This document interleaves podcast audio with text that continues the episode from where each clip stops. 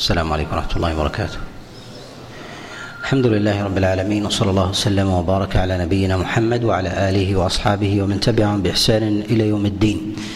أما بعد فشرعنا في المجلس السابق بالكلام على أوائل سورة النساء وتكلمنا على الآية الأولى والآية الثانية ونتكلم بإذن الله عز وجل في هذا المجلس على الآية الثالثة وما يليها. يقول الله سبحانه وتعالى وإن خفتم ألا تقسطوا في اليتامى فانكحوا ما طاب لكم من النساء مثنى وثلاث ورباع. لما ذكر الله سبحانه وتعالى الأمر بتقواه وعطف على ذلك شأن الأرحام ووجوب وصلها وتحريم والتشديد بقطعها وذكرنا أيضا الكلام على الأرحام وتقدم الكلام معنا أيضا على أنواعهم ومراتبهم ومنازلهم وحقهم في ذلك والأدلة الواردة في كلام الله عز وجل وكلام رسول الله صلى الله عليه وسلم في حق في حق الأرحام. وتقدم أيضا الإشارة إلى أن الله سبحانه وتعالى لما ذكر الأرحام ذكر بعد ذلك اليتامى. ذكر اليتامى وذلك أن الأصل ان أن الأيتام أو اليتامى يكفلهم أرحامهم يكفلهم أرحامهم إما أن يكفل الأخ ابن أخيه أو يكفل أو يكفل الخال ابن أخته وهكذا. وذلك أن القرابات يكون فيها كفالة الأيتام ولهذا ذكر الله عز وجل حق الأيتام بعدما ذكر أمر الأرحام. وقلما يكون اليتيم الغريب في حجر في حجر البعيد وهذا وهذا قليل بالنسبة لأمر الأيتام. ولما ذكر الله سبحانه وتعالى أمر الأيتام للخصيصة من جهة الحياطه في حفظ حقهم وكذلك عدم ظلمهم ووجوب الوفاء لهم بما أوجب الله عز وجل لهم من الوفاء بصيانة المال وكذلك صيانة العرض وكذلك أيضا الدم من أن يطرأ عليهم شيء من المظالم. فالله سبحانه وتعالى حاط مال اليتيم بجملة من الحياطات. حاطها من الكفيل الذي يتولى يتولى أمر اليتيم وحاط الله عز وجل مال اليتيم أيضا من الأبعدين. وتقدم معنا أن جنس أكل مال اليتيم أعظم من جنس أكل مال الربا. وتقدم معنا التعليل التعليل في هذه في هذه المسألة.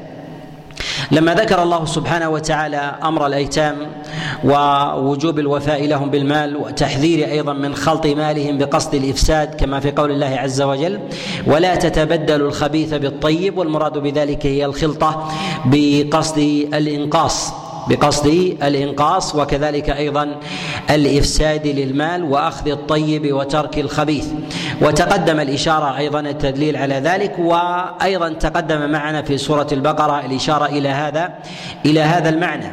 ثم ذكر الله سبحانه وتعالى تفصيلا أدق فيما يتعلق بأمر الأيتام بعدما ذكر حياطة الأموال وكذلك أيضا الاحتراز في المخالطة والمتاجرة. ذكر الله عز وجل نوعا من أنواع من أنواع مخاوف حق اليتيم وذلك فيما يتعلق بالجواري. الأيتام التي تكون تحت تحت وليها أو كفيلها يقول الله سبحانه وتعالى في كتابه العظيم وإن خفتم ألا تقسطوا في اليتامى فانكحوا ما طاب لكم من النساء مثنى وثلاث ورباع.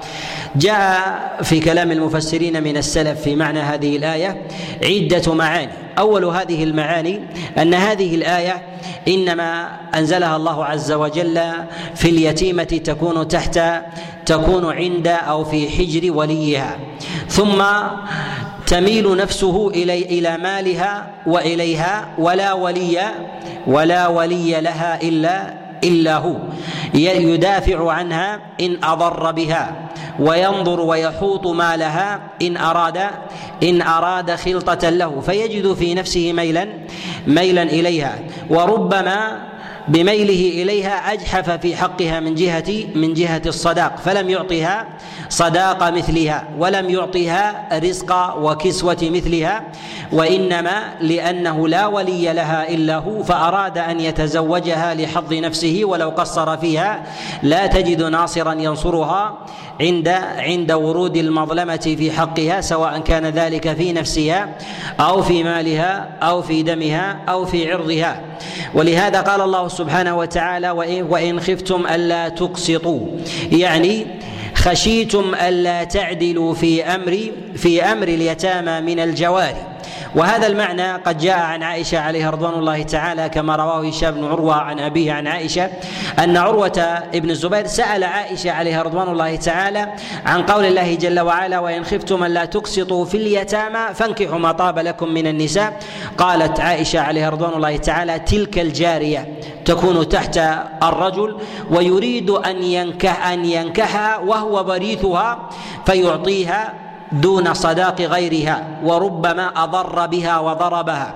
وذلك أنه لا ولي لا ولي لها إلا إلا هو. الله سبحانه وتعالى أشار في هذا السياق إلى هذا المعنى أن الإنسان إذا وجد في نفسه هذا الميل فعليه أن ينظر إلى سعة المباح. أن ينظر إلى سعة المباح وذلك أن الله عز وجل قد جعل له المباح من النساء أن يتزوج مثنى وثلاث ورباع والا الا يجعل مطمعه في هذه في هذه اليتيمة خشية الإضرار الإضرار بها. وهذا المعنى أيضا قد جاء عن جماعة من الصحابة عليهم رضوان الله تعالى جاء عن عبد الله ابن عباس وعبد الله ابن مسعود وجاء عن غيرهم من المفسرين من التابعين. جاء عن مجاهد بن جبر وعكرمة والحسن والنخعي وغيرهم عليهم عليهم رحمة الله. ومن هذه المعاني في قول الله عز وجل وإن خفتم ألا تقسطوا في اليتامى فانكحوا ما طاب لكم من النساء قال غير واحد من المفسرين أن هذه الآية نزلت في الحياطة من الزنا الحياطة من الزنا. ومعنى ذلك أنكم كما تحتاطون وتتهيبون المال الحرام مال اليتيم الحرام أن تأكلوا فتهيبوا كذلك الزنا. واعلموا أن الله عز وجل قد جعل لكم سعة في الحلال مثنى وثلاث ورباع. وهذا إشارة إلى أن الإنسان يدفع عن نفسه الحرام بالحلال.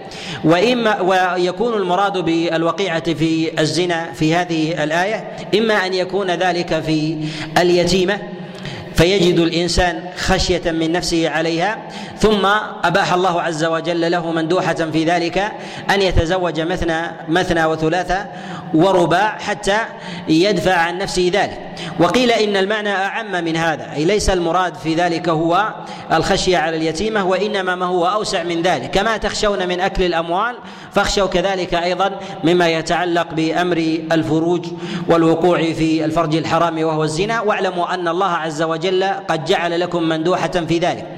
وفي هذا السياق دلالة وإشارة إلى أن الله سبحانه وتعالى إذا ذكر امرا محرما وقرب الإنسان منه جعل الله عز وجل للإنسان مخارج في ذلك. وتقدم معنا في قول الله عز وجل يسألونك عن اليتامى قل إصلاح لهم خير وإن تخالطوهم فإخوانكم الله يعلم المفسد من المصلح. أي أن الإنسان يحتاط إذا كان عنده مال يتيم كابن أخيه أو ابن أخته أو ابن عمه أو غير ذلك وقد قام بكفالة ذلك المال. يحتاط ويشتد ويحترز ويتوقع فيوقع ذلك حرجا في نفسه وربما هذا الحرج إذا كان إذا كان غاليا ربما ربما أفسد مال اليتيم. ومعنى فساد مال اليتيم من شدة الاحتياط أي أن الإنسان يحتاط من قربه فيدعه فلا يجعله خليطا لماله في التجارة يخشى أن يخسر ثم بعد ذلك يتضرر ويقل نماؤه ويستهلكه اليتيم بأكله ويستهلكه اليتيم. والرجل يبعده عن المضاربة في تجارته خوفا منه وشدة من الحياضة. فالله عز وجل هون هذا الأمر إذا قصد الإنسان الإصلاح والخير. وإن تخالطوهم فإخوانكم يعني عدوهم من من إخوانكم البالغين إذا أردتم من ذلك خيرا ولو كان في ذلك خسارة إذا كان ذلك من أمر الخلطة. ولهذا جعل الله عز وجل الترخص في ذلك في أمر الخلطة. فتجعل ماله كمالك. وإن تخالطوهم يعني لا تتعاملوا بمالهم منفردين. بمالهم منفردين فتخاطرون في ذلك لأن الإنسان يتعامل مع حظ غيره تعاملا يختلف عن شراكته مع غيره في أمر المال وغيره. ولهذا الله سبحانه وتعالى جعل مثل هذا الأمر نوعا من الترخص وعدم التشديد في ذلك شريطة أن يكون ذلك مساويا لمال لمال الإنسان. وهذا أيضا فيه رفع للحرج فيما يتعلق في أمر الأعراض فيما يتعلق في أمر الأعراض. وذلك أن اليتيمه إذا لم يليها وليها وكفيلها إما أخ وإما إما أخ له وإما عم أو خال أو غير ذلك فإن كفالته ستكون للأبعدين. فهل يترك لغير لغير كفيل؟ كذلك أيضا الجارية من جهة كفالتها فإذا لم يكفل الجاريه إذا لم يكفل الجارية عمها أو خالها أو بعيد منها من يكفلها؟ هل الأبعدون؟ الله عز وجل ما ما أمر الإنسان في ذلك بالمفارقة أن يتبرأ الإنسان من نفسه بل جعل الله عز وجل مخرجا له في الحلال. جعل الله سبحانه وتعالى مخرجا له في الحلال مع بقاء الحياطة لحق اليتيم في ماله في ماله وكذلك أيضا في عرضه. وفي هذه الآية إشارة أن الله سبحانه وتعالى لما أمر بحياطة مال اليتيم وكذلك عرض مال اليتيمه إذا رغب الإنسان بها وأراد أن يتزوجها وخشي ألا ينصفها من جهة الصداق ومن جهة العطية لأن المرأة إذا كان وليها ميت كأبيها وأخيها أو ليس لها أحد فإن النفوس تضعف عن الحياطة في حقها بخلاف التي التي لها ولي يتعاهدها من أب أو أخ فتضعف النفوس. فإذا وجد الإنسان في نفسه من جارية عنده يتيمة أن يقصر فيها فعليه أن يكون وليا هو لها وأن يزوجها غيره. فينصفها عند غيره في صداقها. فيقوم حينئذ بمقام الولاية. ولهذا الله عز وجل يقول وإن خفتم لا تقسطوا في اليتامى. يعني فانكحوا غيرهن واتركوهن لغيركم.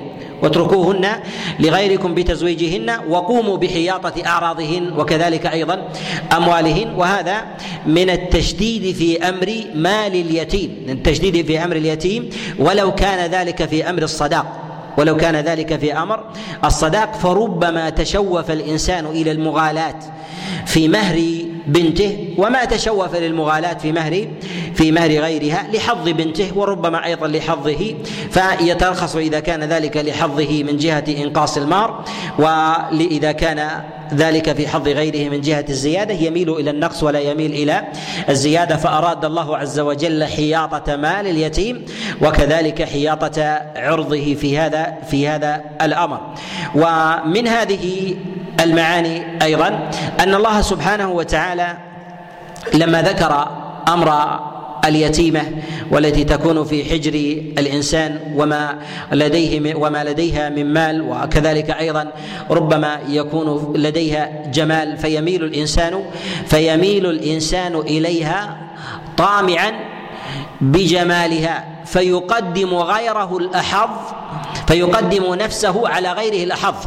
وذلك أنه إذا وجد من هو أولى من ذلك من صاحب الخلق والدين الذي هو أفضل منه فيقدم مطمعه على مطمع وحظ غيره ويظلم حينئذ اليتيمه وهذا إشارة إلى الانصافها في حقها حتى في أمر في أمر زواجها. فإذا علم أنه يتقدم إليها من هو خير منه فعليه أن يقدمه على على حظ نفسه. وهذا من الأمور أيضا والمكامن الخفية في هذا من دوافع النفوس فجاءت الحياطة في مثل هذا الأمر مخاطبة لنفوس الأولياء وكذلك أيضا الكفلاء الذين يتولون أمر الأيتام.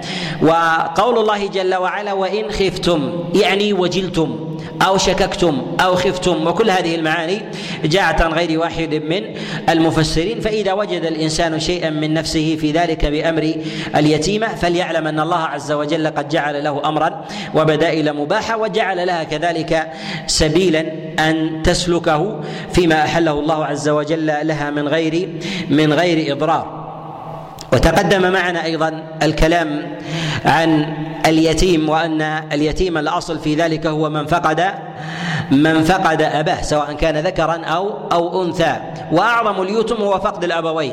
ثم يليه فقد الأب ثم يليه فقد الأم. وفي مصطلح الشريعة اليتيم لا يطلق إلا على من فقد أباه إلا على من فقد أباه يسمى يسمى يتيما. والعرب تسمي من فقد الأبوين لطيما.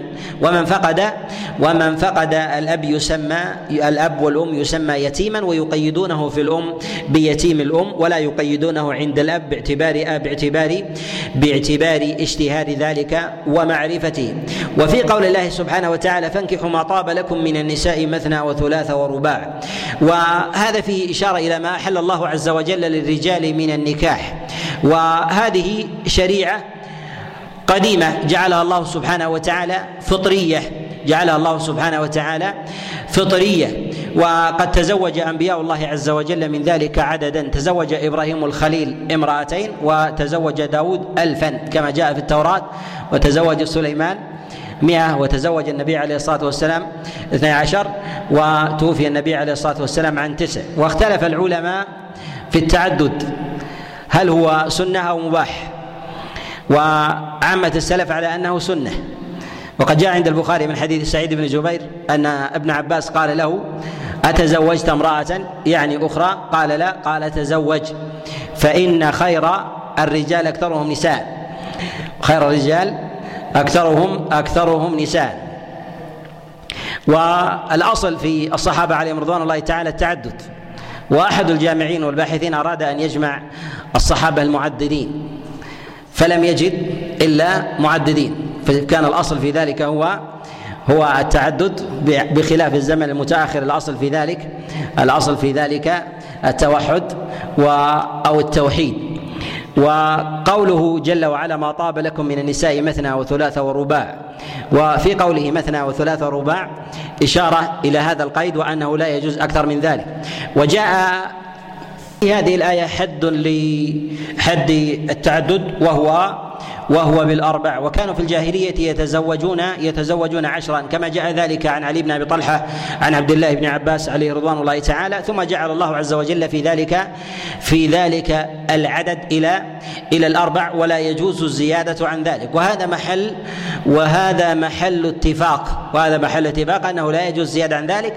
والزيادة عن ذلك هي خصيصة للرسول صلى الله عليه وسلم من هذه الأمة والأمة في ذلك على هذه الإباحة. ولهذا قال الله جل وعلا ما طاب لكم من النساء فجعل الله حكم الأولى حكم الرابعة والثالثة والثانية كحكم الأولى. ولهذا قال ما طاب لكم من النساء مثنى وثلاث ورباع. وفي هذه الآية إشارة أيضا إلى معنى أن الله سبحانه وتعالى لما ذكر اليتيم قال وإن خفتم ألا تقسطوا في اليتامى فانكحوا ما طاب لكم من النساء مثنى. وما قال واحدة. وما قال وما قال واحدة. إشارة إلى جملة من المعاني. من هذه المعاني أن الأصل التعدد. أن الأصل التعدد.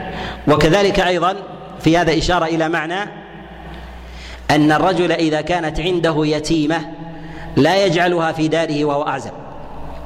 لا يجعلها في داره وهو وهو أعزب. ولهذا قال الله عز وجل وانكحوا ما وإن خفتم لا تقسطوا في اليتامى فانكحوا ما طاب لكم من النساء مثنى. أين الأولى؟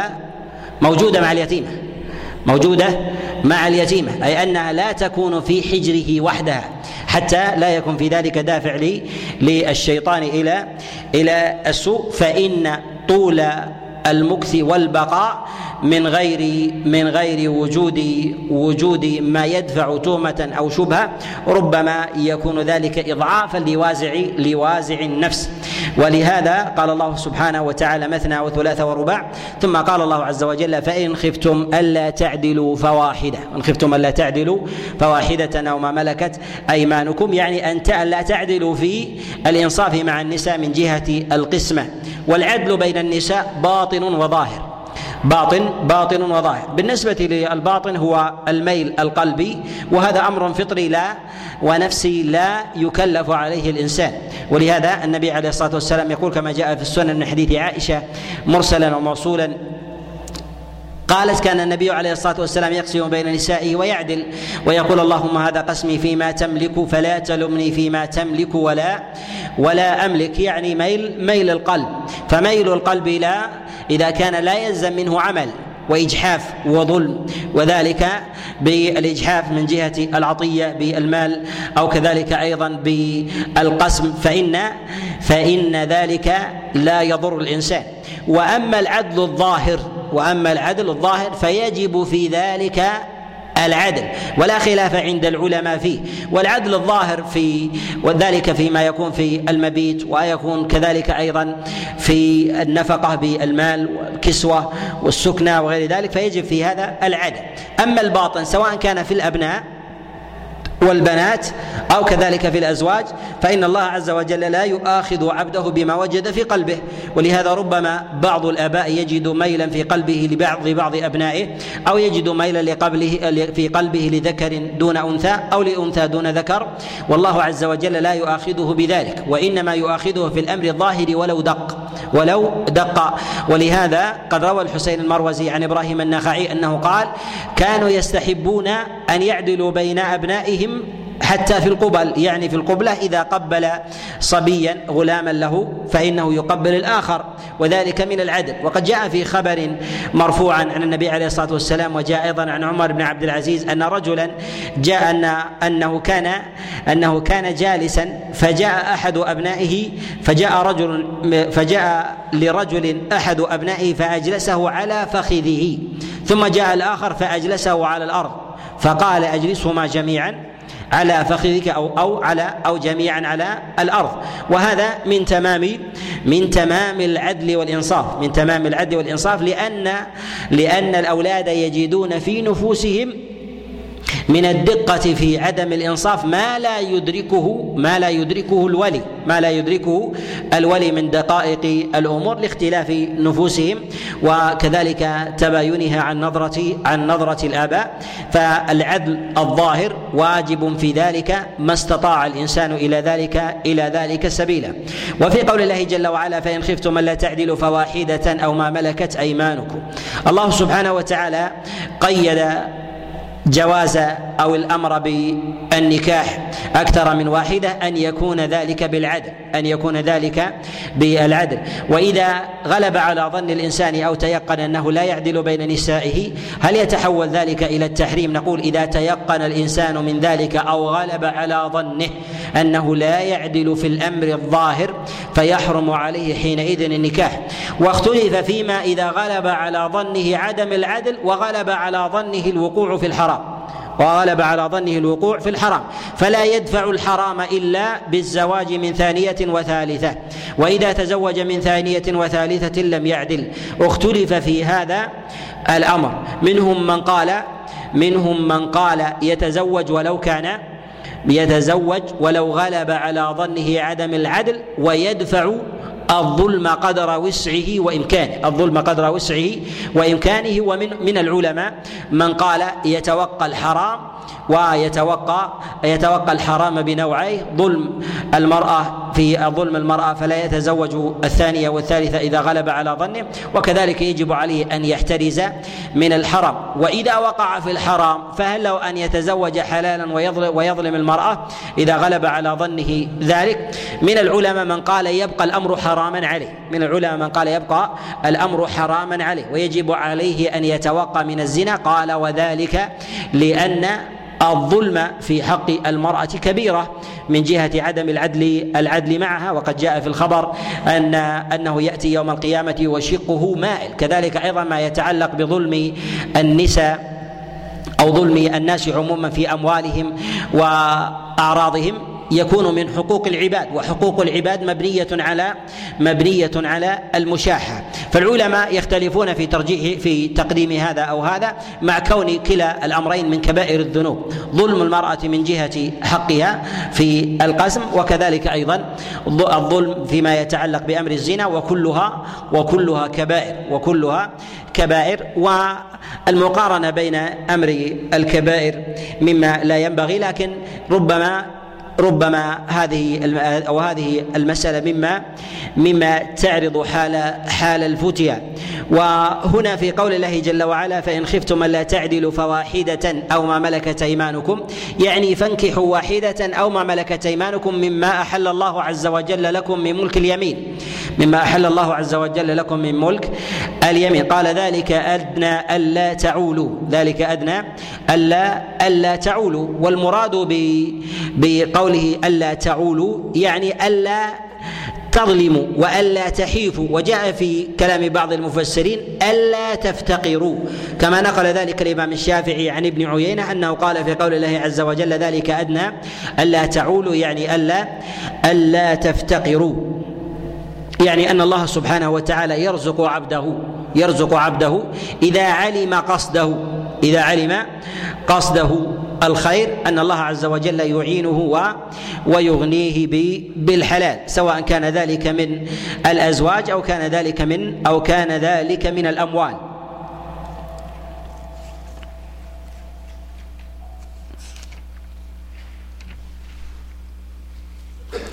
الآية الثانية في قول الله سبحانه وتعالى وآتوا النساء صدقاتهن نحلة. فإن طبن لكم عن شيء منه نفسا فكلوه هنيئا مريئا. الله سبحانه وتعالى أمر بإيتاء المرأة صداقها والمراد بالصداق هو المهر يسمى مهرا وصداقا وفريضة و ويسمى اجرا أو اجورا فآتوهن أجورهن فريضة. سماه الله عز وجل اجرا وسماه صداقا ويسمى كذلك مهرا. وصداق المرأة في نكاحها واجب باتفاق العلماء ولا خلاف عندهم في ذلك. ولا خلاف عندهم عندهم في ذلك. ويستثنى من ذلك رسول الله صلى الله عليه وسلم. ويستثنى من ذلك النبي عليه الصلاة والسلام. وذلك أن الله عز وجل قد جعل قبوله هبة المرأة نفسها من غير صداق خالصة لك من دون من دون المؤمنين. وهذا دليل على أن بقية المؤمنين لا يدخلون في هذا في هذا الأمر. ويدل على الفرضية هذه الآية في قول الله جل وعلا وآتوا النساء صدقاتهن وفي قول الله عز وجل فآتوهن أجورهن فريضة وتقدم معنا أيضا الإشارة إلى أمر المهر في سورة البقرة. وكذلك أيضا في قول النبي صلى الله عليه وسلم التمس ولو خاتما ولو خاتما من حديد يعني ولو قل يستحل به الإنسان يستحل به الإنسان نكاحه. وهذا محل اتفاق حكى الاتفاق على ذلك غير واحد من العلماء كابن قدامة وابن رشد وغيرهم. وإنما اختلف العلماء في موضع الوجوب في موضع الوجوب. منهم من قال إن المهر والصداق شرط لصحة لصحة العقد. لصحة العقد فلا يصح العقد إلا بمهر سواء سمي أو لم يسمى لا بد أن يكون ثمة مهر وقالوا إن وقالوا إن تسميته أو عدم تسميته لا تضر بالعقد ما وجد ذلك ما وجد ذلك. ولازم هذا القول أن العقد الذي ينص على عدم على عدم المهر فيقول زوجتك بلا مهر أنه باطل. أنه أن العقد في ذلك باطل وهذا قول جماهير العلماء كمالك وكذلك في رواية الإمام مالك وقول أبي حنيفة والشافعي والإمام أحمد عليهم رحمة الله وقول لبعض الأئمة من المالكية وكذلك الشافعية إلى أنه إلى أنه شرط للدخول لا شرط لصحة العقد. يعني يصح العقد بلا بلا مهر ولكن لا يدخل بها إلا لا يدخل بها إلا بمهر إلا بمهر سواء كان مسمى أو كان مهر أو كان مهر المثل لها لها في ذلك. والمهر بالاتفاق أنه فريضة ولا توطأ المرأة إلا إلا بمهر على الاتفاق وإنما الخلاف في صحة العقد بلا بلا مهر. إلا ما ملكت اليمين. فإذا ابتاع الإنسان جارية من ملك اليمين فإنه لا لا مهر في وطئها باعتبار أن باعتبار أن ذلك قيد في عموم النساء لا لا في لا في الموالي. وقول الله عز وجل وآتوا النساء صدقاتهن نحلة في هذا دلالة على أن الصداق ملك للمرأة. والدلالة على ذلك لا لوليها. والدلالة على ذلك جملة من المواضع في هذه الآية. أولها في قول الله عز وجل وآتوا النساء فما أمر الله بإيتاء الولي وإنما أمر الله عز وجل إيتاء المراه لأنه حق لأنه حق له. وكذلك في قول الله سبحانه وتعالى صدقاتهن يعني لهن لا لأوليائهن. لهن لا لا لأوليائهن. وكذلك أيضا من دلائل الوجوب في في الفرضية أو التملك لهن. قال فإن طبن لكم عن شيء منه نفسا. فإذا طابت المرأة لزوجها بأن يأخذ شيئا من مهرها لا جميع مهرها فإنه حينئذ فإنه حينئذ يجوز له أن أن يأكله هنيئا مريئا. وإذا أجاز وليها أن يأخذ الزوج أن يأخذ الزوج من مهرها لم يحل له ذلك. وإنما قيد الله عز وجل الحلال أن تأذن هي بنفسها لأن المال ملكا لأن المال ملك لها. ولهذا يقول الله جل وعلا فإن طبن لكم يعني النساء عن شيء منه نفسا فكلوه هنيئا مريئا. وفي هذا أيضا دلالة على قاعدة فقهية يذكرها الفقهاء ويحكون الإجماع عليه. أن ما أخذ بسيف الحياء فهو حرام. ما أخذ بسيف الحياء فهو حرام. ولهذا قال الله عز وجل طبن لكم عن شيء منه نفسا يعني بنفوسهن طائبة من غير خجل من غير من غير خجل. ومن أخذ المال بالخجل يأكل حراما سواء كان من الرجال أو كان من النساء. فكأن تعلم مثلا الرجل يستحي فتأتي إليه وأمام الناس وتقول ما شاء الله السيارة جميلة هل تبيعها بكذا؟ تريد أن تستدر طيبه أو كرمه وتعلم أنه يخجل. أو ما هذا القلم الذي الذي لديك؟ لما لا تهدني إياه وأنت كريم ونحو ذلك وتعلم أنه يخجل ليهديك إياه. حرام باتفاق العلماء. حرام باتفاق العلماء. وقد حكى الإجماع على ذلك غير واحد من العلماء كابن مفلح رحمه الله على أن ما أخذ من المال بسيف الحياء فهو حرام بل قيل إن سيف الحياء أشد من سيف الخوف والرهبة. وذلك لأمر قائم في نفس الإنسان لأنه يريد لأنه لأنه لا يحب أن ينقد لا يحب ان أن ينقد ويلام فيخاف على نفسه من ذلك كما يخاف على نفسه الأذية. ولهذا الله سبحانه وتعالى ذكر طيب النفس بهذا قال فإن طبن لكم عن شيء منه نفسا فكلوه هنيئا مريئا. ويدل على تأكيد هذا في قول الله جل وعلا فإن طبن لكم عن شيء منه نفسا عن شيء منه نفسا يعني بنفوسهن من غير من غير حيث. قال فكلوه هنيئا مريا إشارة إلى أن النفوس الطيبة الزكية الصالحة لا تستطيب المال وتتهيبه فأراد الله تطمينها فكلوه وما سكت. قال هنيئا مريئا. إشارة إلى دفع الوجل الذي يكون في النفس. أما النفوس الدنيئة والضعيفة التي لا توجل فإنها لا تخاطب بذلك وذلك أنها لا تحترز في الأمر أو في المال المال الحلال. وفي هذا أيضا أن المال آه، في هذا دليل على أن المهر أو على أن العقد لا يصح إلا إلا بمهر مسمى أو غير مسمى مسمى أو غير أو غير مسمى. والدليل على ذلك أن الله عز وجل يقول في هذه الآية فإن طبن لكم عن شيء منه ما قال كله ما قال كله يعني أن المرأة لو أسقطت مهرها كله ما صح ذلك. ما صح ذلك. منها هي وهي تملكه لماذا؟ لأن في هذا إسقاط لحق الله في العقود. إسقاط لحق الله عز وجل في العقود في حق النكاح. يعني أن المرأة إذا كان عند العقد فوضع لها مهر مقداره ألف أو مئة. فقالت بعدما دون أسقطت المئة والألف.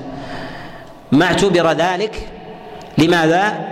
لأنها تسقط المهر كله وإسقاطه كله تعد على حق الله لا ليس حقا لها ليس حقا لها وإنما لها أن تسقط شيئا منه فتقول فتقول وضعت الربع. أو الثلث أو الشطر أو الثلثين أو غير أو غير ذلك. ولهذا قال الله عز وجل عن شيء منه نفسا وما قال إسقاطه له إسقاطه له كله يعني أن إسقاط المهر كله لا تملكه حتى حتى المرأة لأنه حق لله سبحانه وتعالى في العقود. وهذا يؤيد ما تقدم الإشارة إليه إلى أن إلى أن المهر إنما هو فرض في العقود وأنه لا يصح عقد إلا إلا بمهر سمي أو لم أو لم يسمى فإذا قيل إنه يجب عليك أن تدفع لها مهرا ولم يسمى فهذا كاف ولها في ذلك مهر مهر المثل. وتقدم عن الإشارة هذا في سورة البقرة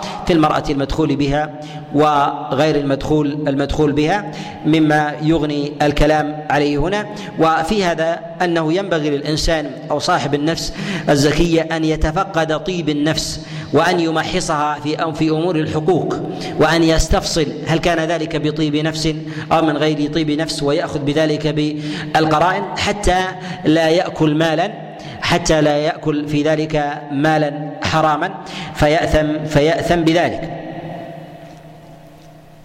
وفي هذا أيضا إشارة إلى أنه ليس للأولياء من المهر شيء ليس للأولياء من المهر من المهر شيء فإذا دفع عند العقد فإن ذلك للمرأة لا لا لوليها ولا يجوز له أن يضع من ذلك شيء ولا أن يأكل أن يأكل منه إلا بطيب نفس إلا بطيب نفس من من صاحبة الصداق.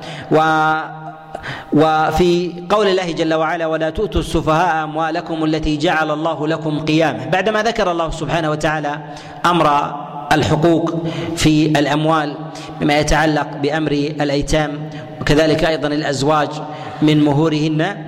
ذكر الله سبحانه وتعالى نهيا في قوله ولا تؤتوا السفهاء أموالكم التي جعل الله لكم قياما. وهذا نهي ونهي في ذلك يقتضي التحريم. والمراد بالسفه في لغة العرب هو عدم إحسان التصرف. ولو كان من عاقل من جهة الأصل مكلف. لأن الإنسان قد يكون مكلف ولكنه لا يحسن التصرف. وعدم إحسانه عدم إحسانه التصرف علامة على السفه. ويغلب في عرف الناس اليوم أن السفه يطلق على على من كان به جنون أو نحو ذلك. ولكن المراد بذلك الذي لا يحسن التدبير والتصرف ولو كان مكلفا. ولو كان ولو كان مكلفا. وذلك كالغلام غير الراشد. البالغ غير الراشد أو كالمرأة التي لا تحسن الضرب بالمال في الأسواق أو غير ذلك أو لا تحسن حفظ المال ولو كانت مكلفة إلا أنها لا تحسن التدبير في ذلك لا تحسن التدبير في ذلك فهي داخلة في هذا باتفاق المفسرين. وقد جاء عن جماعة من المفسرين النص على أن المراد بالسفهاء هنا النساء والنساء والأطفال. جاء ذلك عن عبد الله بن عباس وكذلك عبد الله بن مسعود ومجاهد بن جبر وسعيد والحسن وقتادة وغيرهم عليهم رحمة الله على ان على أنه يدخل في هذا المعنى النساء والأطفال. فنهى الله عز وجل عن إعطائهم مالا زائدا عن قدر النفقة والكفاية يتصرفون فيه من غير يتصرفون فيه في غير مرضاة الله سبحانه وتعالى. وإما أن يكون ذلك في السرف وهو ما لا ينتفع فيه ولو كان قليلا وإما أن يكون ذلك في الحرام. وهذا ظاهر في قول الله جل وعلا ولا تؤتوا السفهاء أموالكم قال أموالكم وما قال أموالهم وذلك أن أموالهم حق لهم كمهر المرأة. فبعد ما ذكر الله عز وجل أمر المرأة من جهة مهرها أوجب أن تعطى إياها وجعل الصداق لها حقا. وجعل الصداق لها لها حقا. لا يؤخذ منها. فجعل الله عز وجل مال الرجل في ذاته يختلف عن مالها في ذاتها فتتصرف فيه من جهة الصدقة والصدقة والنفقة والعطية والهبة. وأما من جهة كفايتها في المطعم والمشرب والسكنى والكسوة فإن ذلك حق لها. وأما من جهة السرف فالله عز وجل نهى نهى عن ذلك أن يعطى حتى لا يدخل في ذلك في دائرة السرف. وقد جاء النبي عليه الصلاة والسلام في السنن من حديث عبد الله بن عمر قال كل واشرب والبس وتصدق من غير سرف ولا مخيلة. من غير سرف ولا ولا مخيلة. والمراد بالسرف هو الإنفاق أو الاستهلاك من غير من غير حاجة أو استهلاك شيء كثير بنفع ضئيل قليل حقير. وهذا يدخل في دائرة في دائرة الحرام. وذلك كالذي ينتفع ساعة بمبلغ بمبلغ عال عال جدا من الأموال أو ربما يشتري الإنسان شيئا يهلك سريعا ولا ينتفع منه طويلا بمال بمال عظيم فحينئذ يحرم ولو وجد فيه جنس الانتفاع. ولهذا السرف أمر نسبي السرف في ذلك أمر أمر نسبي. فقد يضع الإنسان مثلا من الطعام مائدة عريضة ويكثر من الطعام وأصنافه والناس لا والناس كثير فحينئذ لا يدخل في دائرة السرف. ولو وضع طعاما دون ذلك والناس قليل كأن يضع طعاما لعشرين ولا يوجد إلا عشرة أو خمسة ثم يرمي ما زاد عن ذلك فهذا داخل في السرف. ولكنه لو وضع طعام مئة ويوجد مئة فهذا لا يدخل في السرف بل من المستحبات. ولهذا لا ينظر إلى جنس المال ومقداره وإنما ينظر إلى إلى إهلاكه والانتفاع منه. ولهذا الإمام أحمد رحمه الله كما ذكر ابن أبي حاتم في كتاب أو مقدمة الجرح والتعديل في ترجمة الإمام أحمد أن الإمام أحمد كان كان في في وليمة أو وضع لهم غداء ومعهم ومعهم بعض الأئمة فاستكثر فاستكثروا الطعام. فاستكثروا الطعام. فقال الإمام أحمد رحمه الله لو أن الدنيا كلها وضعت لقمة في فم عبد في فم عبد ما كان ذلك كثيرا. يعني أن العبرة بالاستهلاك للعبرة للعبرة بالقيمة للعبرة بالقيمة. فإذا وجد ألف رجل ووضع طعام ألف رجل ما كان ذلك كثيرا. لكن لو وضع طعام عشرة لاثنين أصبح إسرافا أمر منهي منهي عنه. وقول الله جل وعلا ولا تؤتوا السفهاء أموالكم التي جعل الله لكم قياما. في هذا دلالة ضمنية على أمر الولاية على أمر الولاية والقوامة. ويأتي الكلام عليه بإذن الله عز وجل في أمر الأموال وكذلك في أمر في أمر النساء في أمر النساء. جعل الله عز وجل الولاية حتى في أمر الأموال حتى في أمر الأموال. ولهذا نعلم أن النظريات الحديثة التي آه، تقول إن الولاية أو ولاية الرجل على المرأة يجب أن تسقط أو تعلق في أبواب ضيقة أو يعلقونها في أمر في أمر معين مثلا كالنكاح ويخرجونها فيما عدا ذلك ويخرجونها فيما عدا ذلك. نقول هذا هذا أمر باطل هذا أمر باطل ولا خلاف عند العلماء. عند العلماء في بطلانه. لا خلاف عند العلماء في بطلانه ولهذا الله سبحانه وتعالى جعل أمر القوامة والولاية واسع حتى في السفر.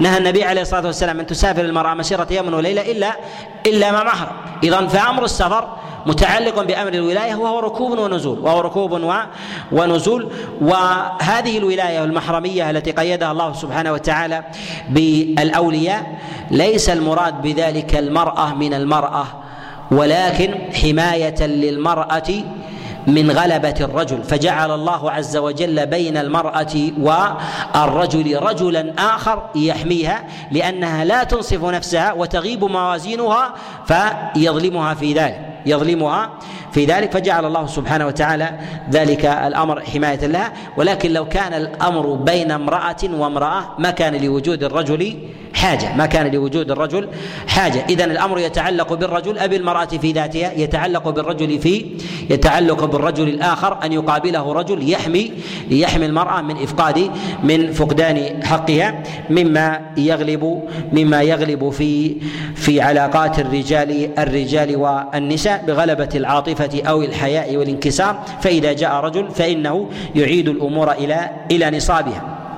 ويأتي الكلام آه، على القوامة بإذن الله عز وجل في مواضع عديدة معنا وتقدم معنا الإشارة على هذا في مسألة الولاية في النكاح في سورة أيضا البقرة. وفي قول الله سبحانه وتعالى وارزقوهم فيها واكسوهم وقولوا لهم قولا معروفا أي أن الله عز وجل كما نهاكم عن أن تعطوا أموالكم من لا يحسن التصرف فيها لا يعني ذلك أن تمنعوهم حقهم من الطعام والشراب والكسوة وقول المعروف وقول المعروف.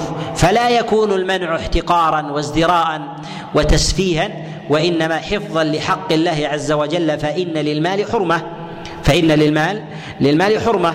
وحرمته في ذلك من حق الله سبحانه وتعالى.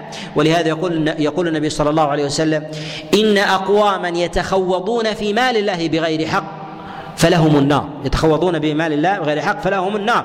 كما أنك لا تملك التصرف في نفسك وهي نفسك بين جنبيك ويجب عليك حيطتها وعدم إلقائها إلى التهلكة كذلك أيضا في أمر المال كذلك أيضا في أمر المال. فالله عز وجل أوجده لك لتنتفع منه لا أن تسرف فيه ولو كان ملكا ولو كان ملكا لك. وهذا من أمر الموازنة أن المنع وكذلك الحياطة للمال من جهة التدبير في أمور تدبير النساء وكذلك أيضا الصغار له ممن لا يحسن التعامل في ذلك أن ذلك لا يعني من ذلك شدة في القول بل يقول لهم قولا قولا معروفا من اللين والرفق والإحسان والإكرام. وهنا في ذكر السلف عليهم رحمة الله تعالى للنساء مع الصغار نقول إن الأصل أن النساء يغيب عنهن معرفة ضرب الأسواق معرفة ضرب الأسواق. لأن غالب ضرب الأسواق يكون من الرجال فلا يعرفن أقيام الأشياء ولا أصنافها ولا جودتها ولا معرفتها وربما كان في ذلك استغلال لهن استغلال لهن من الرجال في ذلك. فجعل الله سبحانه وتعالى الحياطة في هذا في هذا الأمر أن يكون في ذلك أن يكون في ذلك حفظا لمالهن من من أوليائهن من آه، الرجال. ومن العلماء من قال إن الله سبحانه وتعالى حينما نهى عن إيتاء السفهاء الأموال ما أراد من ذلك المنع وإنما أراد من ذلك استقلال التصرف وإنما الله عز وجل أراد من ذلك استقلال التصرف. وهذا في أموالهم. أما في أموالهن إذا ملكت المرأة مالا في ذاتها ولها مال هل للزوج أو للاخ أن يمنعها من التصرف في مالها. نقول لا يمنعها وإنما النهي في ذلك مما يتعلق في مال الإنسان. قال ولا تؤتوا السفهاء أموالكم التي جعل الله لكم قياما. وأما في حال التصرف في وعدم إحسانه فهذا ربما يقع من الرجل كما يقع من المرأة وحينئذ يمنع من كمال التصرف بالمال. وهذا ما يتكلم عليه العلماء عليهم رحمة الله تعالى في أبواب في أبواب الحجر. نكتفي بهذا القدر وأسأل الله عز وجل لي ولكم التوفيق والسداد والإعانة. إنه ولي ذلك والقادر عليه. وصلى الله وسلم وبارك على نبينا محمد.